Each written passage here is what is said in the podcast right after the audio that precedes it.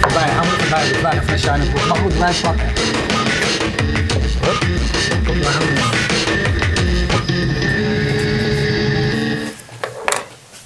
Na een week Shiner Bok is het toch weer wennen met eh, de Paul. Maar jij hebt je rode wijn Ik gemist. heb mijn fles eh, rode wijn. nou, ze hebben in Amerika ook lekker eh, rode wijn hoor. Dat is Dus, waar, heb je, eh, heb je ook zien drinken. Ja. Ehm, ja, eh, welkom. We waren afgelopen week op South by Southwest in Amerika. Je kunt daar vijf programma's van terugzien op Fast Moving Targets en op, via ons YouTube kanaal. Eh, nu onmiddellijk weer over tot de orde van de dag. Maar ik heb Ja. één vraag aan jou. Hoe, lang heb jij, hoe laat ging jij gisteren uiteindelijk slapen? Ik ben gewoon netjes om half twaalf eh naar bed 12 gegaan. uur hadden we. En ik heb een 9,5 uur geslapen vannacht. Ah, Oké, goed. Ja. Daarvoor ben je zo, daarvoor ben je zo topfit heb en een- zo bij, de, zo bij de hand. Dat is heel goed voor Arjan Elfacet. Ehm we zitten een beetje in, in verkiezingstijd, maar dat we jou hier nu hebben is eigenlijk volstrekt toevallig. Eh, we kennen jou onder meer uit het verleden van, eh, van GroenLinks, maar nu ben je directeur van Open State. En als ik daar ga kijken, zijn het verder allemaal vrijwilligers. Eh, nee hoor, we hebben gewoon een aantal betaalde krachten, Ah, werken met veel ZZP'ers en eh, een hele hoop vrijwilligers. Oké, ik dacht namelijk dat je directeur was en enig personeelslid. maar Nee, nee, nee, nee, zeker niet. Nee, nee, nee. En laten we even beginnen bij wat Open State is. Open State eh, is eigenlijk een, eh, een samenvoeging van eh, Stichting Nieuwe Stemmen, in 2006 opgericht in Groningen door een groep studenten die vonden dat je met digitale middelen de overheid en de burger wat dichter bij elkaar kon brengen. Ze hebben onder andere Wie kies jij gemaakt, een stemwijzer op basis van profielen. ehm, Ja. eh, om te matchen met profielen van eh, kandidaten. Dat is ooit met de NOS Ja. ehm, eh, samen gedaan. Ja, dat was in mijn tijd, dus ik weet het nog. Dus dat waren gemeenteraadsverkiezingen, Tweede Kamerverkiezingen, Europese verkiezingen. En er is zelfs een bedrijfje uit voortgekomen dat heet eh Wie kies jij OR. Die, eh, een, die stemwijzer verkoopt aan allerlei eh, grote bedrijven om hun eh, eh, ondernemingsraden te kunnen kiezen. mooi. Ehm, en de andere club ehm, is eh Hack de Overheid. En dat is een, eh, inmiddels een gemeenschap van ongeveer 2000 programmeurs. Die sinds 2008 eh, op een aantal zaterdagen bij elkaar kwamen om met overheidsdata, overheidsinformatie, mooie apps te gaan bouwen. Dat is wat de samenvoeging van is. Ja. Maar wat is Open State? Nou, Open State is een, eh, een eh, maatschappelijke non-profit organisatie die eh, transparantie bevordert door middel van digitale tools. En wij, eh, het grootste, grootste onderdeel waar wij mee bezig zijn is het bevorderen dat de overheid transparanter wordt, eh, veel meer data gaat delen. eh, informatie eh, van de overheid, betaald met publieke middelen, over allerlei aspecten van het leven: onderwijs, zorg, cultuur, et cetera. Ehm, en wij stimuleren hergebruik van die data door middel van onder andere hackathons, maar ook competities en challenges. En waarom is het belangrijk dat al die, die data open is? Nou, waarom dat belangrijk is? Omdat je daarmee eh, eh, ons land, eh, jouw stad, de gemeente, jouw buurt fijner, beter, slimmer, efficiënter en leuker kan maken. Ja, dat klinkt heel theoretisch. Maar, dat wat- klinkt heel theoretisch. Want data, we waren, Erwin zei het al vorige, vorige week in Austin op Zuid Zuidwest. Alles gaat over big data en open data. Je hebt enorme databestanden, maar data heb je helemaal niets aan. Want data is ongestructureerd. Nou, hebben Eh, jullie je buienradar op En- je mobiel? en- ja, maar dat is een toepassing. Eh, Precies.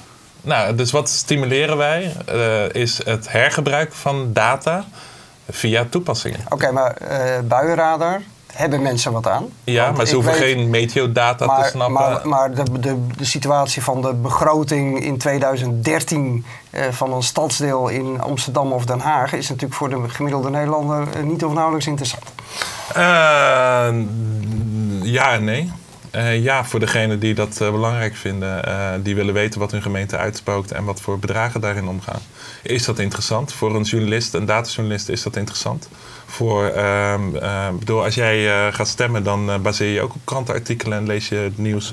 En er zit altijd een, een interface tussen. Ja, maar de reden dat ik het natuurlijk vraag, ik snap wel dat je met die data van alles en nog wat kunt. Maar hoe, kom je, hoe maak je straks de stap van het beschikbaar krijgen van die overheidsdata, die, Ja. waar je in principe niks aan hebt, eh, naar praktische toepassingen waar mensen dan wel wat aan hebben, Ja. dan wel lol in hebben om daarmee te spelen, Ja. eh, dan wel eh direct Dus tussen de gebruiker van die data en de data zelf zitten ontwikkelaars, programmeurs, eh, waar wij een gemeenschap van hebben, eh, die eh, vaak bij elkaar komt, meedoet aan competities. En die bouwen toepassingen, apps, En kun je daar voorbeelden van websites. geven? Van dingen die er nu al zijn die, waarvan je zegt, nou, daar heb je echt wat aan? Ja, dat gaat van hele goede dingen, interessante dingen als eh, toepassingen rond eh, publieke, hè, rond eh, meer de kaarten, zeg maar, achtige zaken. Geodata wordt daarvoor gebruikt. Een van de eerste hackathons kwam Hoge Nood uit. Dat, dat klinkt heel gek. Dat, de locaties van alle publieke toiletten in de stad. Ja. Ehm, nou ja, er zijn allerlei apps Ja. van meegemaakt waarmee je over heel Europa nu kan zien waar die publieke toiletten zijn. Dat is nog ver kan- kan voor, wel heel handig zijn, ver voor die. Airbnb met toiletten, dat je je toilet kan delen. na- Eh, dus wij waren best wel ver voor volgens mij tijd. na, fijn, maar, fijn, maar volgens mij na de Engelse ver- variant. Maar- goed, ehm, eh, daar, zitten, er zitten hele grappige dingen bij, maar er zitten ook eh, serieuze dingen bij. En als het over eh, serieuze dingen gaat, bijvoorbeeld politieke transparantie. We hebben twee jaar, of nee, in 2012, toen ik er nog niet bij zat, eh, is er een hackathon geweest in de Tweede Kamer met data van de Tweede Kamer. Dan heb je het over handelingen, moties, et cetera, et cetera. Waarmee je bijvoorbeeld kan zien eh, of partijen meer naar elkaar toe bewegen of partijen weer meer eh, van elkaar gaan staan. Dus op basis van moties.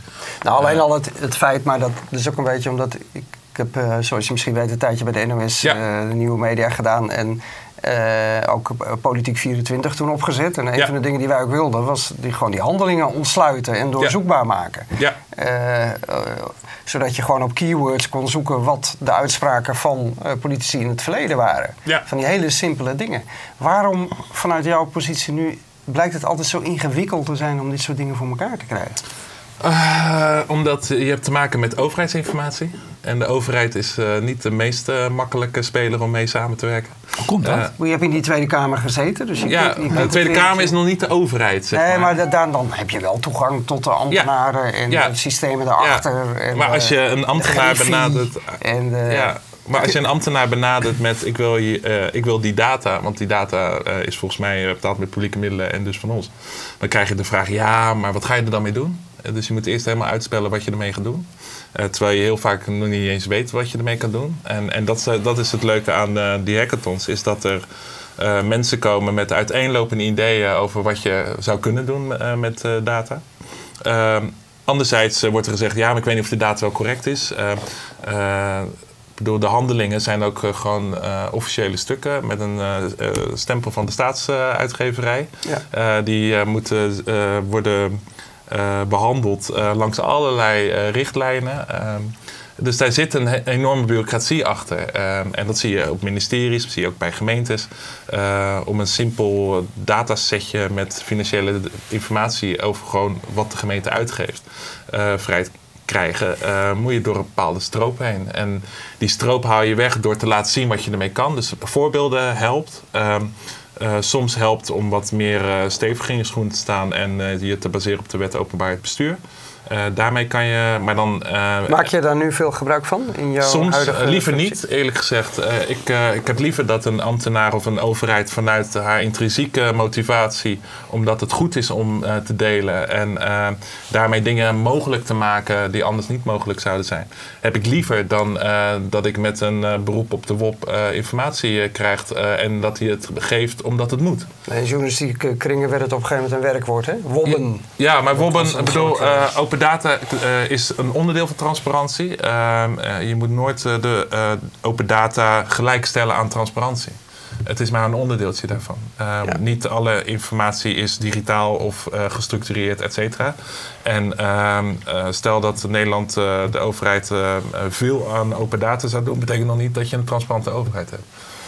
Hey, maar zit, er, be- behalve zeg maar, dat, dat, je op het persoonlijke stuit, stuit je ook nog op, eh, op technische zaken, organisatorische zaken? Want, hè, want is de informatie wel zo beschikbaar dat jullie er wel iets mee zouden kunnen? Of moet er nog veel voor eh, gebeuren? Nou, dan heb je het over vindbaarheid en toegankelijkheid. Ehm, het is moeilijk eh, zoeken, dat is één. Er is wel een, een website van de overheid, dat heet data.overheid.nl. En daar staat niet bij. Nou, daar staat verreweg niet alle data op. Ehm, En we hebben wel eens een onderzoekje gedaan en daar bleek uit dat 90% van die data was geodata. En als je dan kijkt naar ministeries, dan bleek dat de ministeries met de grootste uitgaven de minste datasets beschikbaar hadden. Dus bijvoorbeeld het ministerie van Volksgezondheid gaat toch 78 miljard in om. nou ja, die had twee, drie datasetjes. Maar ja, als jij als premie- en belastingbetaler wil weten wat jouw ziekenhuis doet, waar je terecht kan voor welke specialisme of wat de prijzen zijn van een ziekenhuis voor, zorg, ehm, voor het zorgaanbod, dan word je van het kastje naar de muur gestuurd. Ja, en, wij, en, dat komt ook omdat in Nederland de zorg zit, die data ligt bij verzekeraars en zorgaanbieders. Dat zijn commerciële instellingen. Ja, en jij, jij zegt heel veel over van data, belangrijk en open en delen en democratie en dat soort dingen. Um, maar uh, veel presentatoren van uh, programma's hebben een oortje. Wij hebben Johan Schaap op de Twitter die ons dingen influistert. en die zegt nu, wat wil je nou eigenlijk bereiken? Uh, wanneer ben jij nou gelukkig? Dus die data is natuurlijk geen doel. Nee, dat is geen doel. Dat is een middel. Wat, ja. waar, waarvoor doe je dit? Waar ik dit voor doe? Omdat ik denk dat we het leven veel aangenamer en makkelijker kunnen worden... als wij toegang hebben tot toepassingen die gebruik maken van informatie uh, die, die er al is. Uh, maar stoor je nu dan aan de geslotenheid van de overheid? Wat, wat is je probleem? Welk nou, probleem los je, wil je oplossen? Nou, ik denk dat we onze overheid bijna alles van de burger weet. Maar wat weten wij nou eigenlijk van die overheid? En, dus het is een beetje de omgekeerde wereld. in het Engels noem je een ambtenaar een, een public servant. En een burger is een private citizen in het Engels. En uh, ja, soms, ik heb het gevoel soms dat het in Nederland andersom is. Dat uh, als je maar bij de overheid zit, dan, uh, dan is het prima om dat verborgen te houden. En als burger moet je maar, kom je bijna voor elke regeling kom je in een database terecht. En dat zou ik willen omkeren. Dus om een voorbeeld te geven, we hebben nogal gewerkt aan het vrijkrijgen van data over scholen. Um, en, um, en wat het interessante maakt, is dat ik als ouder nu. Uh, ik maak zelf gebruik van die data als ik in gesprek ga met mijn school. Heb ik een veel horizontalere um, gesprek met mijn school, omdat ik informatie over mijn school, mijn school. De informatie van mijn school kan ik ook vergelijken met scholen in, de, in dezelfde buurt. Uh, en dan kan ik een vraag stellen over waarom doet deze school het op deze vlakken beter dan onze school. We Heb je dat gedaan? Doe je dat? Ja, en dat is interessant. Uh, veel mensen gebruiken die data en die apps die daarmee gemaakt zijn voor het maken van schoolkeuze. Ja, um, um, en er is zelfs een, een van die apps die is zo licht qua tekst dat hij nu ook door Google Translate gehaald kan worden. En dan hoeft een overheid geen uh, brochures meer te maken in het Arabisch, Turks en Armeens en Pools en uh, welke 700 talen je in Amsterdam ongeveer hebt. Maar ehm, kan je dat laten, laten doen door de gebruiker zelf? En, en dat maakt het ook interessant. Maar zeg, zeg je dus, dit zorgt ervoor voor een beter geïnformeerde burger? Nou, voor een, een burger die uh, in gesprek of in relatie tot de overheid op een gelijkwaardige, horizontalere manier de conversatie kan aangaan. Nou, Steven Gort op Twitter die zegt wel, uh, jouw aanpak uh, klinkt wel een beetje als het strijden tegen de gevestigde orde en de overheid. Maar waar is de vernieuwing in, in jouw verhaal? Is dat de burger eigenaar maken van data? Uh, nou ja, kijk, als je dat verhaal uh, van de overheid weet, veel of zo niet alles over ons. En wat weten wij van de overheid? Uh, daarmee zeg ik eigenlijk, eigenlijk zou iedereen veel meer baas moeten worden over hun eigen data. En of dat nou commerciële data is, dat wat je afgeeft via je bonuskaart of via andere middelen. Ehm, ik zou veel liever zien dat je, dat je daar zelf meer controle over krijgt. En, uh, en dat betekent ook dat uh, data waar je geen toegang toe hebt, maar die wel direct met jou van toepassing is, namelijk jouw relatie tot die overheid, dat, je daar, dat dat veel meer ontsloten wordt. Ja, nou, nou en de, de vernieuwing zit hem in de interfaces en de toepassingen. En, Maar gaan jullie die kant ook op? Want ik zei het net ook al een beetje. Je maakt je heel erg druk over die data. Maar data, ja, weet je, het is allemaal het zijn eentjes en nulletjes en heel veel cijfertjes in, uh, in, in nou ja, kijk, het, het klinkt, uh, data is zijn ook volgens mij, uh, de wat, hoge resolutie. Wat jullie willen, wordt pas werkelijkheid als je goede toepassingen hebt. Precies. En, en dat vraagt Adrie Munier ook. Wat is dan de ideale app die jij zou willen maken? Ja, de, ik, ik, weet niet of de ideale app bestaat. Ehm, maar, maar die moet nog gemaakt worden waarschijnlijk. Wat, wat, als je dan vanuit de data redeneert en wat er beschikbaar zou moeten zijn, wat, wat is dan iets waarvan jij nu zegt van, nou dat, dat zou ik gewoon willen hebben? Nou ja, kijk, ik zou uh, het fijn vinden. Ik bedoel, ieder, uh, uh, ik bedoel, dat is een beetje zo'n Steve Jobs eh, verhaal. Verzin het maar eens van tevoren, zo'n iPhone. ja, weet je wel, op een gegeven moment heb je hem in je handen en gebruik je.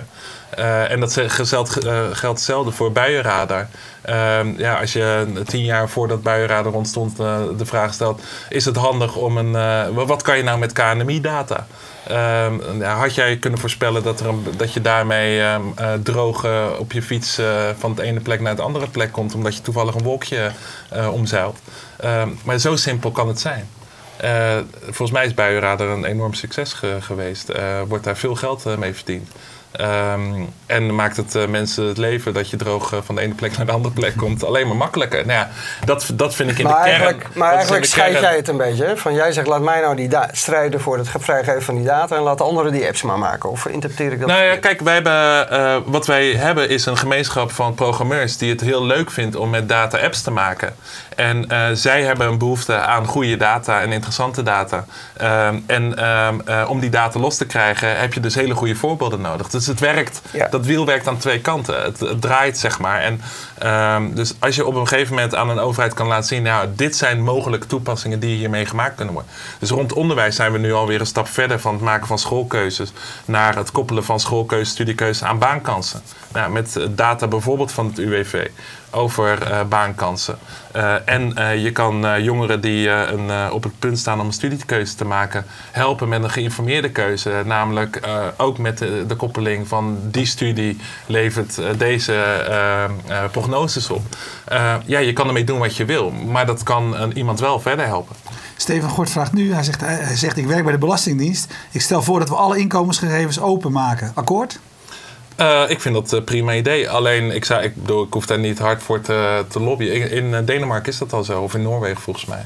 Ja, verwacht, je dat, verwacht je dat hier gaat Van ieder individu? Nou ja, ja volgens mij. Ook, uh, ik heb me ook altijd heel druk gemaakt over ja. privacy en nog steeds. Um, um, en er is, volgens mij uh, help je privacy in Nederland uh, met één ding vooruit: dat of je salaris moet op straat liggen of uh, je medisch dossier.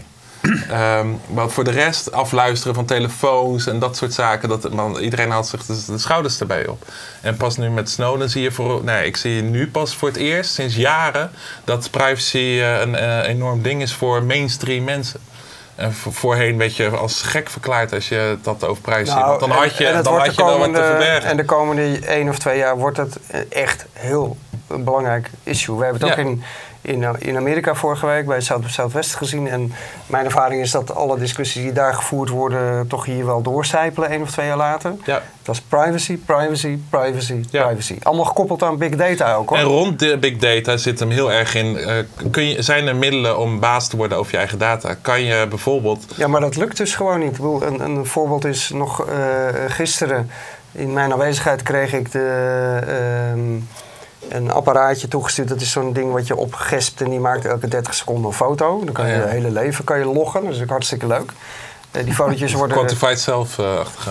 ja. Het, het, het, het, is ook heel grappig, maar die data... uiteindelijk wordt het natuurlijk weer in een cloud-platformpje uh, ja, Je had ook een tijdje, een paar jaar geleden... En dan kun je via je app kun je, je dagen reconstrueren. Maar die foto's die zijn uiteindelijk niet meer van jou volgens de gebruiksvoorwaarden. Ja. Weet je, dat is wel wat. hoe vaak heb jij voorwaarden gelezen van een app die je hebt gedaan? Nou, ik lees ze wel, maar ik ben een uitzondering. Ja, ja nee, je bent inderdaad een uitzondering. En ik denk dat. En, nee, ja, ik lees ze en ik lees ze en dan weet ik ook, als ik ze gelezen heb, dat ik eigenlijk disagree zou moeten zeggen. Maar ja, dat doe je niet. Nee, je wilt toch Instagram je gebruiken. maar, maar de, dus de, zeg maar de, de, de uitruil uh, die plaatsvindt, vindt nu een beetje verborgen plaats. Hè? Dus uh, je zet uh, Instagram op je, op je iPhone. Dat kan hele leuke filtertjes maken op je foto's. Maar de uitruil is dat je ineens de copyright over je foto's kwijt bent. Of, uh, uh, of op je privacy. Uh, nou ja, Facebook, daar betaal je met, je met delen van je foto's. Je, waarmee je een profiel bouwt voor bedrijven. Leuk, commercieel inter interessant. Um, ik denk dat die bewustwording die nu is over die privacy. Is. Die is net begonnen. Mensen gaan zich daar steeds drukker om maken. En ik denk, mijn verwachting is dat een, de goede bedrijven, die gaan daar ook in mee. Dus die zullen ook uh, aan jou uh, vooraf veel meer gepusht gericht de vraag stellen: uh, ben je het eens om, om dit te delen? Ja, nee. Ben je het eens om dit te delen? Ja. Dus de keuzes die je als individuele consument of eh, kan maken, volgens mij, voordat je zo'n eh, app eh, eh, echt actief gaat gebruiken. Ik denk dat dat veel meer aan de voorkant moet dan achteraf ergens een heel klein linkje naar eh, privacyvoorwaarden en dat soort dingen. Stel, eh, vraagt René Terhaar zelf, dat je tot alle data toegang hebt. Hoe ziet de wereld er dan uit? Hij vindt het namelijk nu een beetje zeuren. Oh, echt? Ja, Nou ja, ik, eh, ik ben niet geïnteresseerd in alle data. eh, maar er, is data die heel interessant kan zijn. Ehm, wij werken bijvoorbeeld eh, rond open cultuur eh, met open cultuurdata. Dat, is, eh, dat zijn eh, bijvoorbeeld eh, eh, rond het Rijksmuseum is daar een heel, ik denk wel het bekendste voorbeeld van. Duizenden hoge resolutiefoto's van alle werken in het Rijksmuseum. die ontsloten zijn met de beschrijving van wie de schilder is, welk jaar, et cetera. Dat is cultureel erfgoed van ons allemaal. Er zit geen copyright meer op.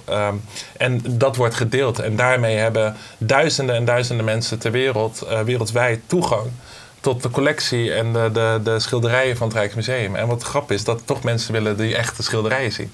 Maar ehm, eh, met het ontsluiten van, die, eh, van dat er- cultureel erfgoed... ehm, heb je wel toegang, ook in elders ter wereld, eh, tot die werken. En dat geldt dadelijk ook voor bijvoorbeeld onderzoeksgegevens. de wetenschap rond open access. Dat artikelen veel meer worden gedeeld. En dat ehm, ook mensen in landen waar het, eh, waar het onderwijsniveau wat minder is dan hier... toegang kunnen krijgen tot veel meer kennis en, eh, en informatie. Jullie hebben ook open zorg als belangrijk onderdeel. Dat is natuurlijk nogal een hot issue met Ja. eh, elektronische patiëntendossiers. En wat bedoel je daar dan mee? Hot, eh, de, de, de open zorg? Nou ja, we- een van de eh, zaken... Reinhard Oerlemans. Wij zitten Ja. veel meer op de, de, eh, in dit geval in Nederland met name rond het kostenaspect en de, de, de kosten in de zorg. Oké, het is niet zo dat je vindt dat al die gegevens openbaar moeten Nee. zijn. Nee, nee, helemaal niet. Ik was eh, toen ik in de Kamer was eh, eh, een niet onuitgesproken tegenstander van het medisch patiëntendossier. Vanwege Ja. de veiligheidsproblemen, et cetera, et cetera. Maar ehm, eh, als je weet dat 78 miljard, ehm, eh, en volgens mij zijn de totale zorgkosten in Nederland rond de 90 miljard. Dat is echt de grootste, grootste som geld wat eh, aan overheid en aan die sector wordt besteed. En dat gaat alleen maar groeien. Terwijl als je wil nagaan, waar betaal je dan die zorg voor? Iedere Nederlander die betaalt of via de belasting of via een zorgpremie eh, mee aan die zorg. Eh, dan mag je op zijn minst al verwachten dat daar veel meer transparantie is dan, eh dan Maar nu meer aan is. waar het geld heen gaat dan Ja. over de patiënten. Dat zei Ja, wat je zegt. nou ja, en ook Ja. het ziekenhuis bij mij in de buurt. eh, kan ik daar terecht met, voor alle ziektes of eh, maar een aantal ziektes? En kwaliteits, kwaliteitsdingen van, de, sterftecijfers, van het dat soort ja, dat is, ik bedoel, ik ben geen eh, zorgspecialist. ehm, eh, maar je ziet nu wel meer eh, websites opkomen met meer soort, eh, ja, bijna een soort eens eh, van, eh, Ja. van de ziekenhuizen. Ik denk dat het een hele goede, goede ontwikkeling Ja, is. dokters die ge, ge, hoe heet Gerate dat? worden. Het houdt, en, het houdt mensen wel scherp, ja. Ehm, ik bedoel, ja, weet je, als je naar een, eh, een winkel om de hoek, als daar wat mis mee is, dan, eh, dan heb je het daarover. En vaak zie je dan ook een verbetering. Hey, dit stukje wat jij vertelt is een, is een, is een principiële eh, zaak eigenlijk van, vanuit de overheid. En de overheid is van ons allemaal geredeneerd. Maar het stukje wat ik eigenlijk nog even bij wil noemen op zijn minst is... dat, dit, dat, dat het open, onder voorwaarden openstellen van, van data even interessant is of kan zijn voor commerciële bedrijven. Want wat gebeurt Ja. er als die ontwikkelaars aan de gang gaan? A, heb je in feite een toegang tot een grote res- research en development afdeling die je niet in eigen hu- huis hoeft te hebben. Eh, mensen kunnen toepassingen bouwen die niet per se voor grote groepen hoeven te zijn, maar ook voor kleine groepen Ja. hoeven te zijn. Dus je kan hebt een eh, steeds diverser aanbod eigenlijk eh, van je producten. En je kan het gebruiken als een soort van speeltuin om te kijken van wat loopt er, wat gaat er werken. En dan kan je altijd nog tegen die mensen zeggen onder welke voorwaarden ze het mogen gebruiken. Dus als zij er geld mee verdienen, dat er een deel naar jou gaat of wat dan ook. Nou, dat was eigenlijk geen vraag, maar die wou Nou ja, een, bij- een website. Nee, een- ik dacht een website-? Dat was geen vraag. Een, een- een bedrijf, een bedrijf, mag zelf wel eens wat zeggen, toch? Een bedrijf als eh, Funda, die gebruikt heel veel open data ehm, eh, rond, eh, rond een huis. Hoe ziet de buurt eruit? Welke scholen zijn er? Dat is allemaal open data. Ehm, dus je ziet ook dat commerciële bedrijven veel meer open data gebruiken in hun toepassingen. En ik denk dat het alleen maar goed is. Er zitten enorme economische waarden en ook een maatschappelijke waarden.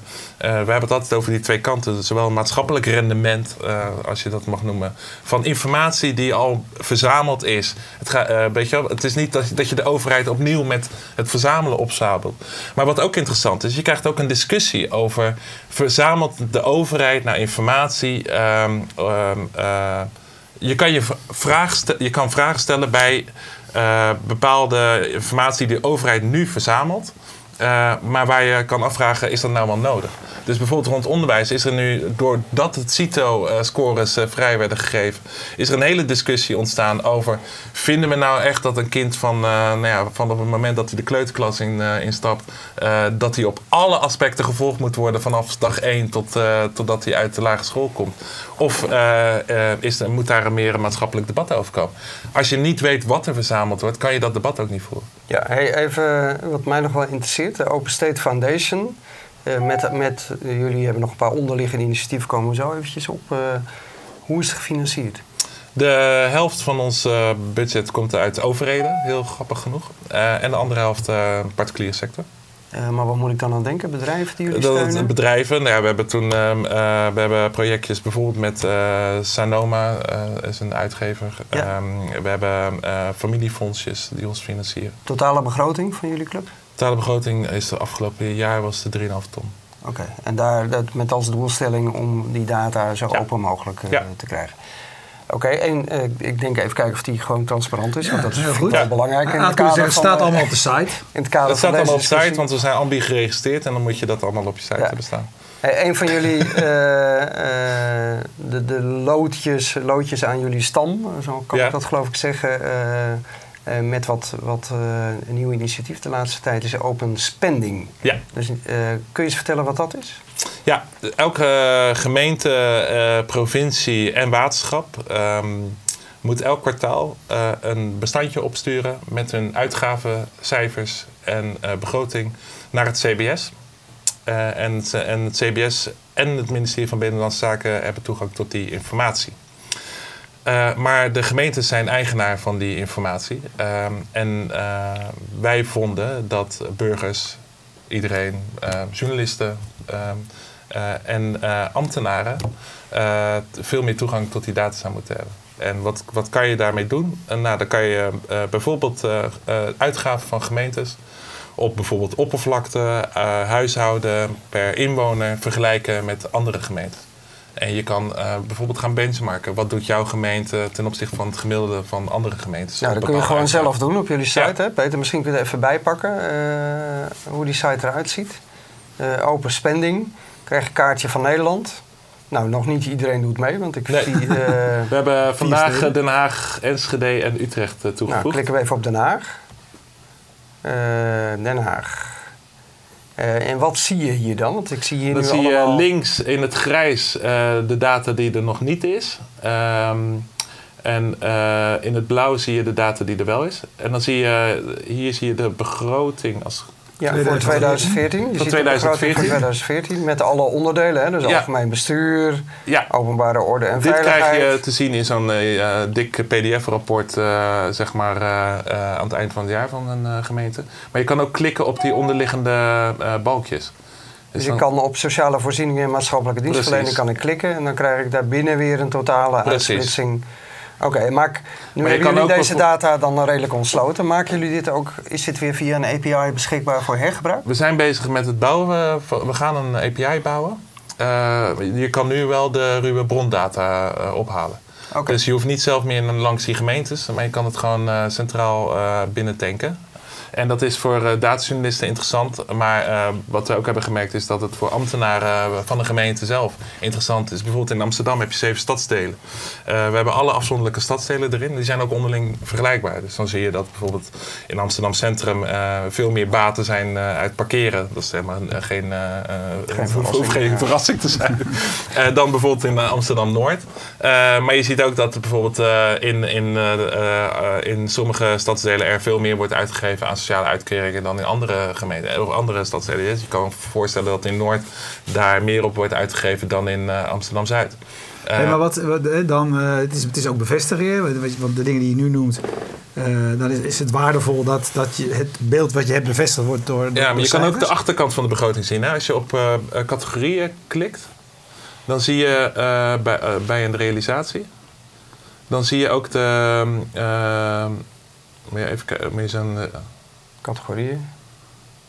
Ja, ik zit nu in de begroting functie gemeentelijk minimabeleid en eh, hoeveel daar aan uitgegeven wordt. Dus als je naar een eh, realisatie gaat, eh, dan zie je de als je op categorieën drukt, dan zie je ook wat een gemeente bijvoorbeeld aan salarissen betaalt, maar ook aan het inhuur van derden.